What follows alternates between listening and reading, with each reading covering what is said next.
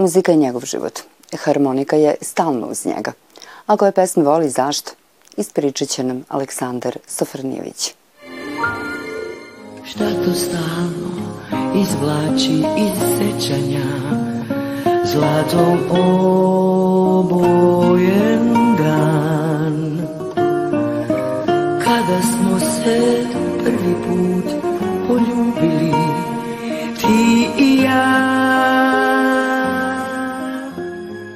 Aleksandar, dobrodošao u emisiju Tri note. Bolje vas našao ovde kod mene u mom studiju. I drago mi je što ćemo pričati o pesmama koje voliš i koje su tvoj izbor. E, prva pesma Bisera i Zlatni dan. Zašto je ona izbor i kakve su emocije vezane za tu pesmu? Pa ta pesma nekako, uh, moram da kažem, po meni večita i ona je nastala zaista kao plod jedne ljubavi jer sam ja posle vremenom e, upoznao Aleksandru Kovač i Batu Kovača, pa je meni pričala kako je ta pesma nastala. Zaista je ta pesma jedna oda ljubavi i ona u meni budi neka najlepša osjećanja i uz tu pesmu sam moram da kažem i poljubio jednu devojku i ta pesma je, njen tekst je zaista a, a, onako i malo i, i, i da kažem intrigantan i, i emotivan i zaista ta, ceo taj sklop kako je napravljena ta muzika a, budi meni najlepše osjećanja i vezuje me za neke mnogo lepe uspomene. Kada i kako se kod tebe javlja interesovanje za muziku? Pa ja sam nekako kao dete, možda četiri ili tako neđu četvrte i pete godine bio kod maminih a, a, a, u selu na Divčebarama i nisam ni znao šta je to, video sam da to nešto i to nešto svira i ja bez toga nisam da idem kući, to je bila harmonika. Jedno su oni to meni dali da ponesem tu igračku, ja sam se s njom igrao, skakao po njoj, razvalio sam sve one dogmiće izvadio i onda tako gledao, kad mama i tata gledaju Ljubišu Pavkovića i Banimira Đokića na televiziji, onda kao ja sviram. Onda kao pa oni videli kao bi ti sine svirao, pa kao pa ovdje što da ne, kao. I onda došao taj neki prvi učitelj I oni su mislili da ću ja to tako uh, ba, izgustiram i da batalim, ali ne, meni je to ušlo u krv tada i uh, tada se ja sa harmonikom družim, evo već, znači to je 31 godina kako ja učim da sviram od neke moje sedme godine. Znači 32 godine harmonika je uz mene, znači malo pre toga, znači 35 godina skoro, taj instrument je uz mene ceo život. Kako sam ja našla podatak, a ti ćeš mi reći da li jeste tačan, e, da si harmoniku nosio i u školu? I da si za vreme odmora drugarima svirao. Sve to, slučaj hteo i sreća htela da ja živim eh, na nekih 50 eh, metara od moje osnovne škole i da kada je učiteljica čula da ja znam da sviram, ona mi je rekla, pa što ti ne bi donao kao pa na odmoru malo na času muzičku, malo da im sviram deci kao šta su staja, to učim da predstavim sebe. I tad sam i tad se desio taj klik. Tada sam ja video, ja sviram, oni me slušaju, pa se tu nešto lepo dešava I ta energija mene obuzela i tada sam ja zaista shvatio da želim da budem na bini, da želim da se obraćam ljudima kroz svoju muziku, da sviram, da zabavljam ljude. Ja sam ostio jednu nevratnu energiju tada. To pamtim, baš pamtim. Taj trenutak kada sam prvi put došao sa harmonikom u školu, a oni svi oko mene, kao pa sam nešto bio važan, pa sam bio primećen i eto to je ostalo dan danas tako.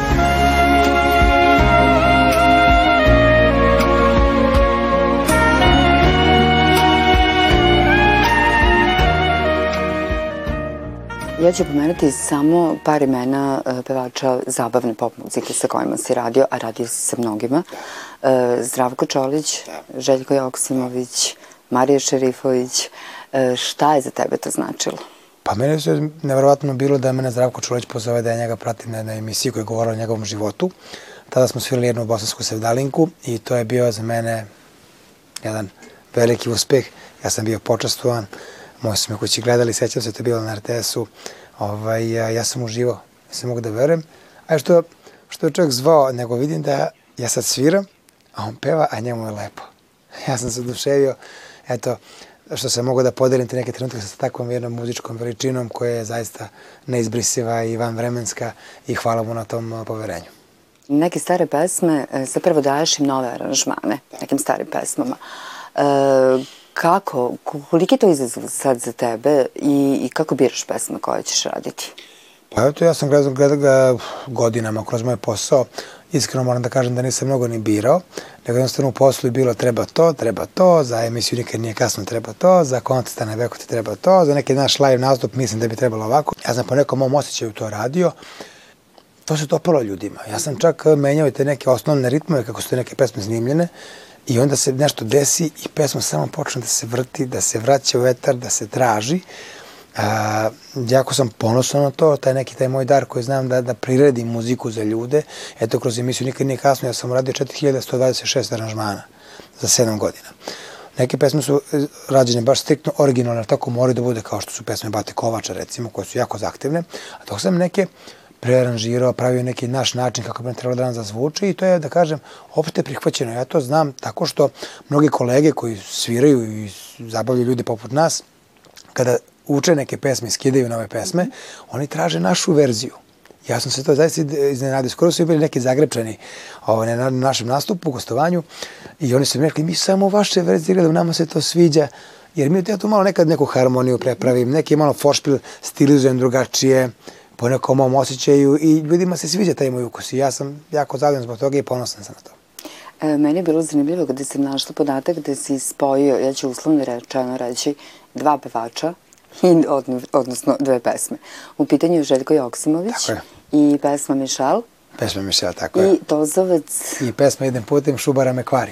A da se to zvuči nespojivo, ovaj, ali ja sam napravio taj jedan medli od te dve numere, da mi to sviramo u našem uvodnom bloku, na našim nastupima u mom orkestru i na jednoj slavi smo bili i onda je Toza bio tu slušao, čuje da je neki latino ritam i prepoznaje tu pesmu Željka i samo je posle uradim tu neku mutaciju muzičku iz mola u dur i ulazim u, u foršpil od pesme i da podiš na kvari i on je ustao, kaže, to, povo da snimiš, povo treba da uradiš. To je njemu, on mi je to rekao da uradim i ja sam posle nekih možda godinu dana, kad se studio završio, ovaj, e, seo i uradio tu, ta, tu obradu i to je jako lepo prošlo. Vidim da mnoge kolege ubacuju svoj program mm -hmm. da, da to sviraju. A, Željko se dopalo, Tozovac rekao super, tako da hvala, hvala mu na toj ovaj, a, ideji. Drago mi je Drago mi je da sam mogu jednom takvom velikanu da nešto osvira da kaže, ju šta ti ovo, što ja to nisam znao, što ja nisam to uradio. Tako da, ovaj, naš Toza je bio veliki i hvala mu na svim lepim rečima koje je rekao meni i mojim kolegama iz orkestra. Hoću zlatni dan, suncem okupan.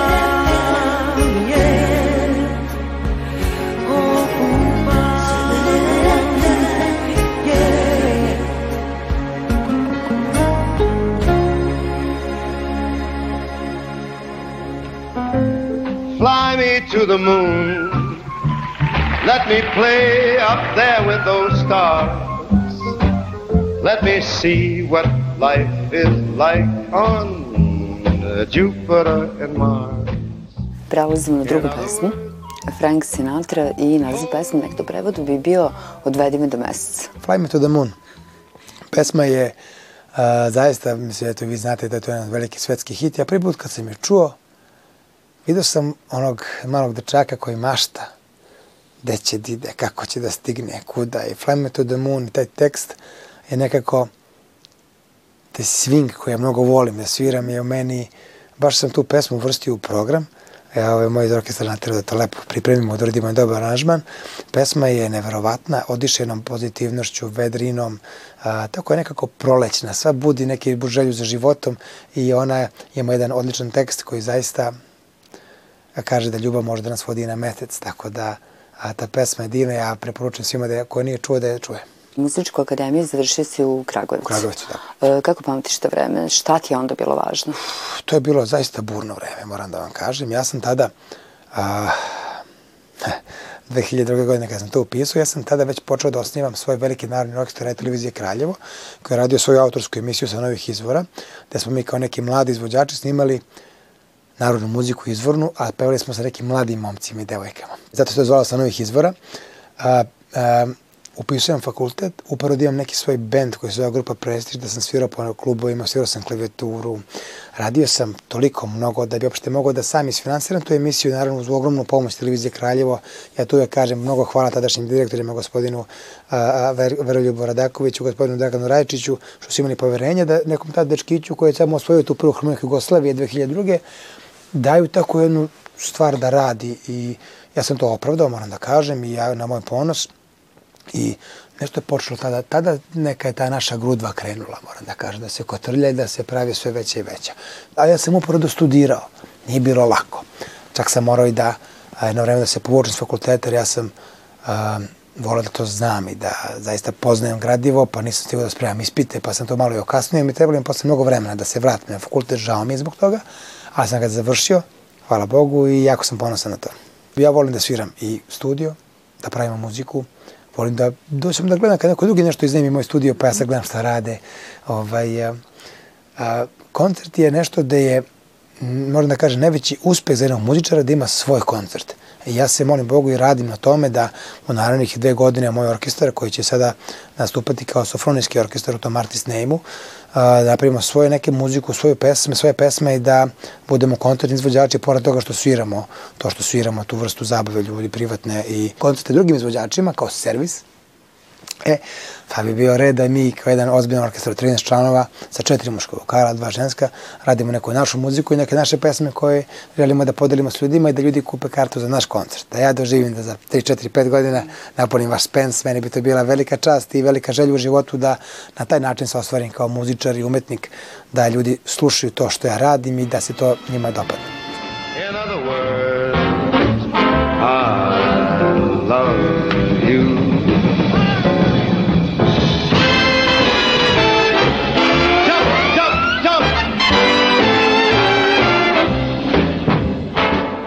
Koliko se mi negde otkrivamo kroz muziku?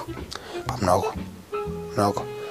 Um, ja kao muzičar i kao opet producent muzički koji pravi muziku, jako dobro mogu da procenim uh, neke ukuse i čak i neko vaspitanje i kad se šta pušta, kad se šta sluša, tako da muzika je, muzika može mnogo toga da kaže o nama. Način kako mi izvedimo muziku tek može da kaže mnogo o nama. Pored ljubavi prema muzici, e, imaš još jednu ljubav, ona je uslovno rečeno ću reći vezana za sport. E, to je biciklizam. Kako biciklizam ulazi u tvoj život? A biciklizam je nekako slučajno ušao na taj način što sam ja nešto kao, da kažem, ganjao tu biciklicu ispred zgrade i nekako kući kad su videli da to nešto stalno mnogo svira, mi stalno se nešto kući sam, sedim po ceo dan, slabo idem napolje sa igram s drugom decama, da mi je baka kupila jednu dobru biciklu. I onda tada, eto, ovaj, sam voleo da vozim, onda sam posle otkrio taj biciklistički klub i oni su stalno išli peli se po nekim planinama, onda sam ja sa njima polako, pomalo, pomalo, malo, pomalo. I ovaj, dan danas kad god imam vremena volim da napravim dobru biciklističku turu, uživam u tome, a, čak sam išao sa svojim biciklom na more više puta, sa tom celom družinom mojom čiker iz Kraljeva, tako da sam ponosan na to gde sam sve prošao biciklom da nekad neka i ljudska noga nije kročila, tako da o, ovaj, jako lep sport i a, taj sport se podrazumije divno druženje, a stvarno si na vazduhu i zaista prelepo. Koliko ti to uopšte bavljanje biciklizmom e, negde pomaže da budeš, e, da imaš energije, da imaš snage, da izdržiš sve ovo što te očekuje u poslu kojem radiš, da budeš u kondiciji jednostavno? Biciklizam je jedan mali deo sportskih aktivnosti koje se ja bavim, čak i on sada je zapostavljen, moram da kažem, u odnosu na te neke moje funkcionalne vežbe i vežbe plivanja. E, harmonika je jako težak instrument, moj posao podrazumeva nekada sviranje i 8 i 10 i 12 sati stajanja uh, uz neko, da kažem, pomeranje, ljuskanje s harmonikom. Harmonika ima 13,5 kg i potrebno je mnogo vežbe i volje i rada da tvoje leđa budu i dalje funkcionalna posle toliko godina, da mogu da uradim sve što uradim, tako da ja sam tu vrlo posvećen, imam svog trenera plivanja, trenera za funkcionalne treninge i ovaj, negde sam, da kažem, i živim kao poluprofesionalni sportista jer ja sviram maratonski i onda moram da treniram maratonski da bi tako mogao da, čak u poslednjih 5 godine više treniram nego što vežbam harmoniku, što mi je žao, nemam vremena i mi je bitnije da mogu da stojim. Kad stanem, jer jako je naporno, jako je teško toliko dana godišnje raditi emisije, koncerte, i privatne zabave, da ti zaista stojiš i mora da budeš stalno super. Njih ne zanima da li tebi prvi, treći ili peti ili osmi dan. Tako da a, ta energija je mnogo bitna i ona svakako dolazi kroz sport i naravno kroz zdravu ishranu. I da li si uspio da povežeš biciklizam i muziku, odnosno da li kada voziš bicikl slušaš muziku? Ne. Ne? Ne, ja se tad isključim, ja tad postavim neko drugi. Ja tada uživam, slušam vetar, slušam ptičice, znači totalno se opustim, prepustim se u to moje disanje, da noga uzdisaj noga, da dišem kako treba da bi mogo da imam energiju da vozim, tako da tada se isključim i postanem neko drugi.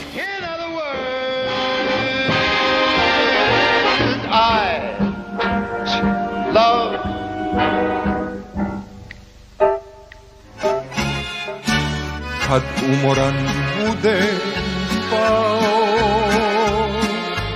ja sudbinu neću pleti. Prelazimo na treću pesmu, Kad umorom budem pao.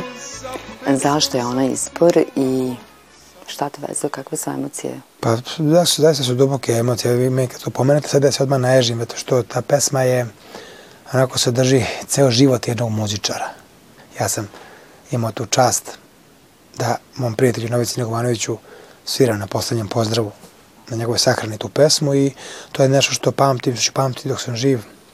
Jer to je jako duboko emotivno za mene bilo da s tim čovjekom koji sam se družio, koji bi bio neki uzor i mentor, da ga ispratim sa njegovom pesmom koji, po kojoj je bio najviše poznat u svetu muzike. Uh, pesma ima divan foršpil koji svi žele da nauče da sviraju. Novic je to svirao majestralno.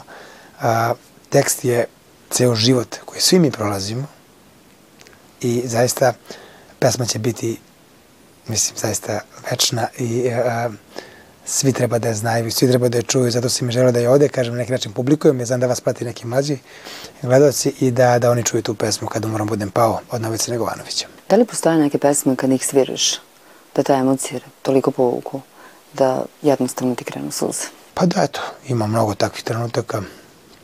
Ima jedna pesma od Zorana Kaladzića koju sam snimao na emisiji. A, ima jedan deo teksta koji kaže sada kada gledam sestru, Ja se sjetim moje sestre Aleksandre koja je u Kraljevu, ima dva dečaka, a ja vrlo slabo imam vremena da idem tamo. I ovaj, ta pesma ima mnogo dobar gudački aranžman, ja tada u emisiji doveo još dodate gudače da bi to zvučilo kako treba. I kad je došao taj deo, ja sam onako baš bio splahiren i samo je krenula suza. I još jedan put sam imao taj osjećaj kada je na emisiju Nikad nije kasno došao da gleda moj otac. A, a bila je pesma od Vide Pavlović, gledala sam s prozora. To je pesma koja mi je stalno, kad sam bio mali, tata puštao. I ostalo mi taj, taj zvuk, taj orkestar, taj ritam gec, pam, pam, pam. I sad, došao je trenutak, tako se namestilo da tata mora da voze neke muzičare iz Kraljeva, došli u Beograd i uh, sviramo tu pesmu i ja sad sviram, sviram i vidim moj tata bio, baš je bio emotivan. I bio sam onako ponosan što je on doživo da ja tu sad sviram, da je tu sad ta emisija, to je ta scena, taj mali dečkić koji on stano ga nešto gradio, evo ga tu svira tu muziku na jedan najlepši mogući način, tako sam baš ponosan na taj trenutak. Najlepše sam ruže brao, lov lovio čarnom gorom, lepotice milovao, pesmom tugu razbijao, vraćao se kući zorom. Sređevao si sa mnogim pevačima narodne muzike. E, pominjali smo, evo već, Tozovca, zatim Ana Bekuta, Svi, e, Ćurišićka, Marinko. Roković, Ana Bekut, Lepa Brena. Lepa Brena, Lepa Lukić, Aco Pejović. Svima smo svirali velike koncerte. Šaban Šaulić, um, su zaista najveće imena od koje sam ja mnogo naučio i hvala im svima na tom poverenju koje je zaista bezgranično bilo da mi tada kao mladi orkestar, neki momaka, 2012. godine, sviramo jedan prvi sudički koncert Ane Bekot u Sava centru, to je bio ozbiljan zalog i Ana je ta prva koja je imala poverenje u nas i dala nam tu priliku. Svirao si pesmu koju je napisala Aleksandra Kovač, Nema više nikog, e, za potrebe serije Ubice mog oca. E, Kako dolazi sve do te saradnje? Pa, saradnja je bila a, veoma, da kažem, onako brza. Ja sam a, otišao na more, stigao sam drugi dan je bio, a, PR šab naša Goran Ivanović mi piše, da li si u Beogradu sutra? I kažem, na moru sam. Ej, hitno je, mora da se snimi pesma, Šaban peva, mnogo dobra pesma, Aleksandra napisala, Šaban je rekao, moraš da to uradiš. Ja sam sa, samo sam onako se pozdravio sa drugarom, otišao u hotel, rešio kartu i sutra sam se vratio, radio, ja sam shvatio da nema veće časti da staneš iz tog čoveka, da uradiš aranžman, produkciju i pesma će, verujem, tek će ona da se sluša, tek će ona dođe na svoj red. Saradnja sa našom kućom radio televizijom Da, da, imam čast da poznam gospodina Bojana Trenkića, koji sada uspešno radi svoj deo rukovodđenja sa orkestrom, Tabarakim taburaškim orkestrom i to su zaista najbolji muzičari koje Vojvodina ima na pravom mestu. Oni su o, ozbiljni umetnici, da se ima jednu malu saradnju, da smo svirali jedan na njihov jubilej i ja očekujem da sa njima sledeće godine radim jedan lep album lepe narodne muzike koji će oni doći kod nas ovde u studiju da snimamo.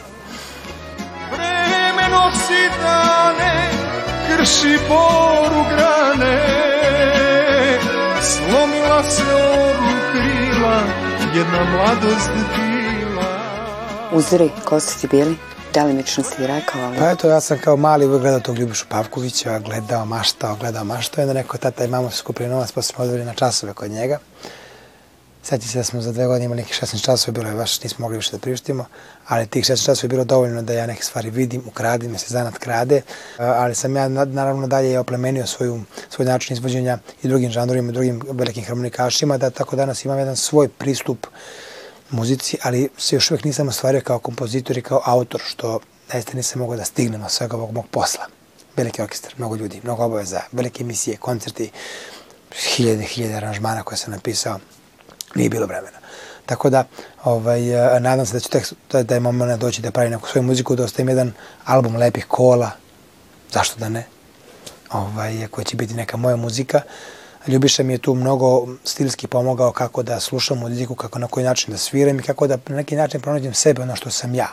Da ne letim za trendovima, za nekim brzim notama, nego da slušam ono pravo, iskonsko kako i on to radio.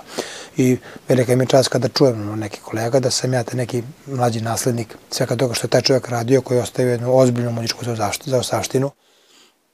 Ja sam s njim da, dalje dobar prijatelj i imali smo tu jednu saradnju, često se družimo, vidimo, sviramo i jako sam ponosan što ga poznajem.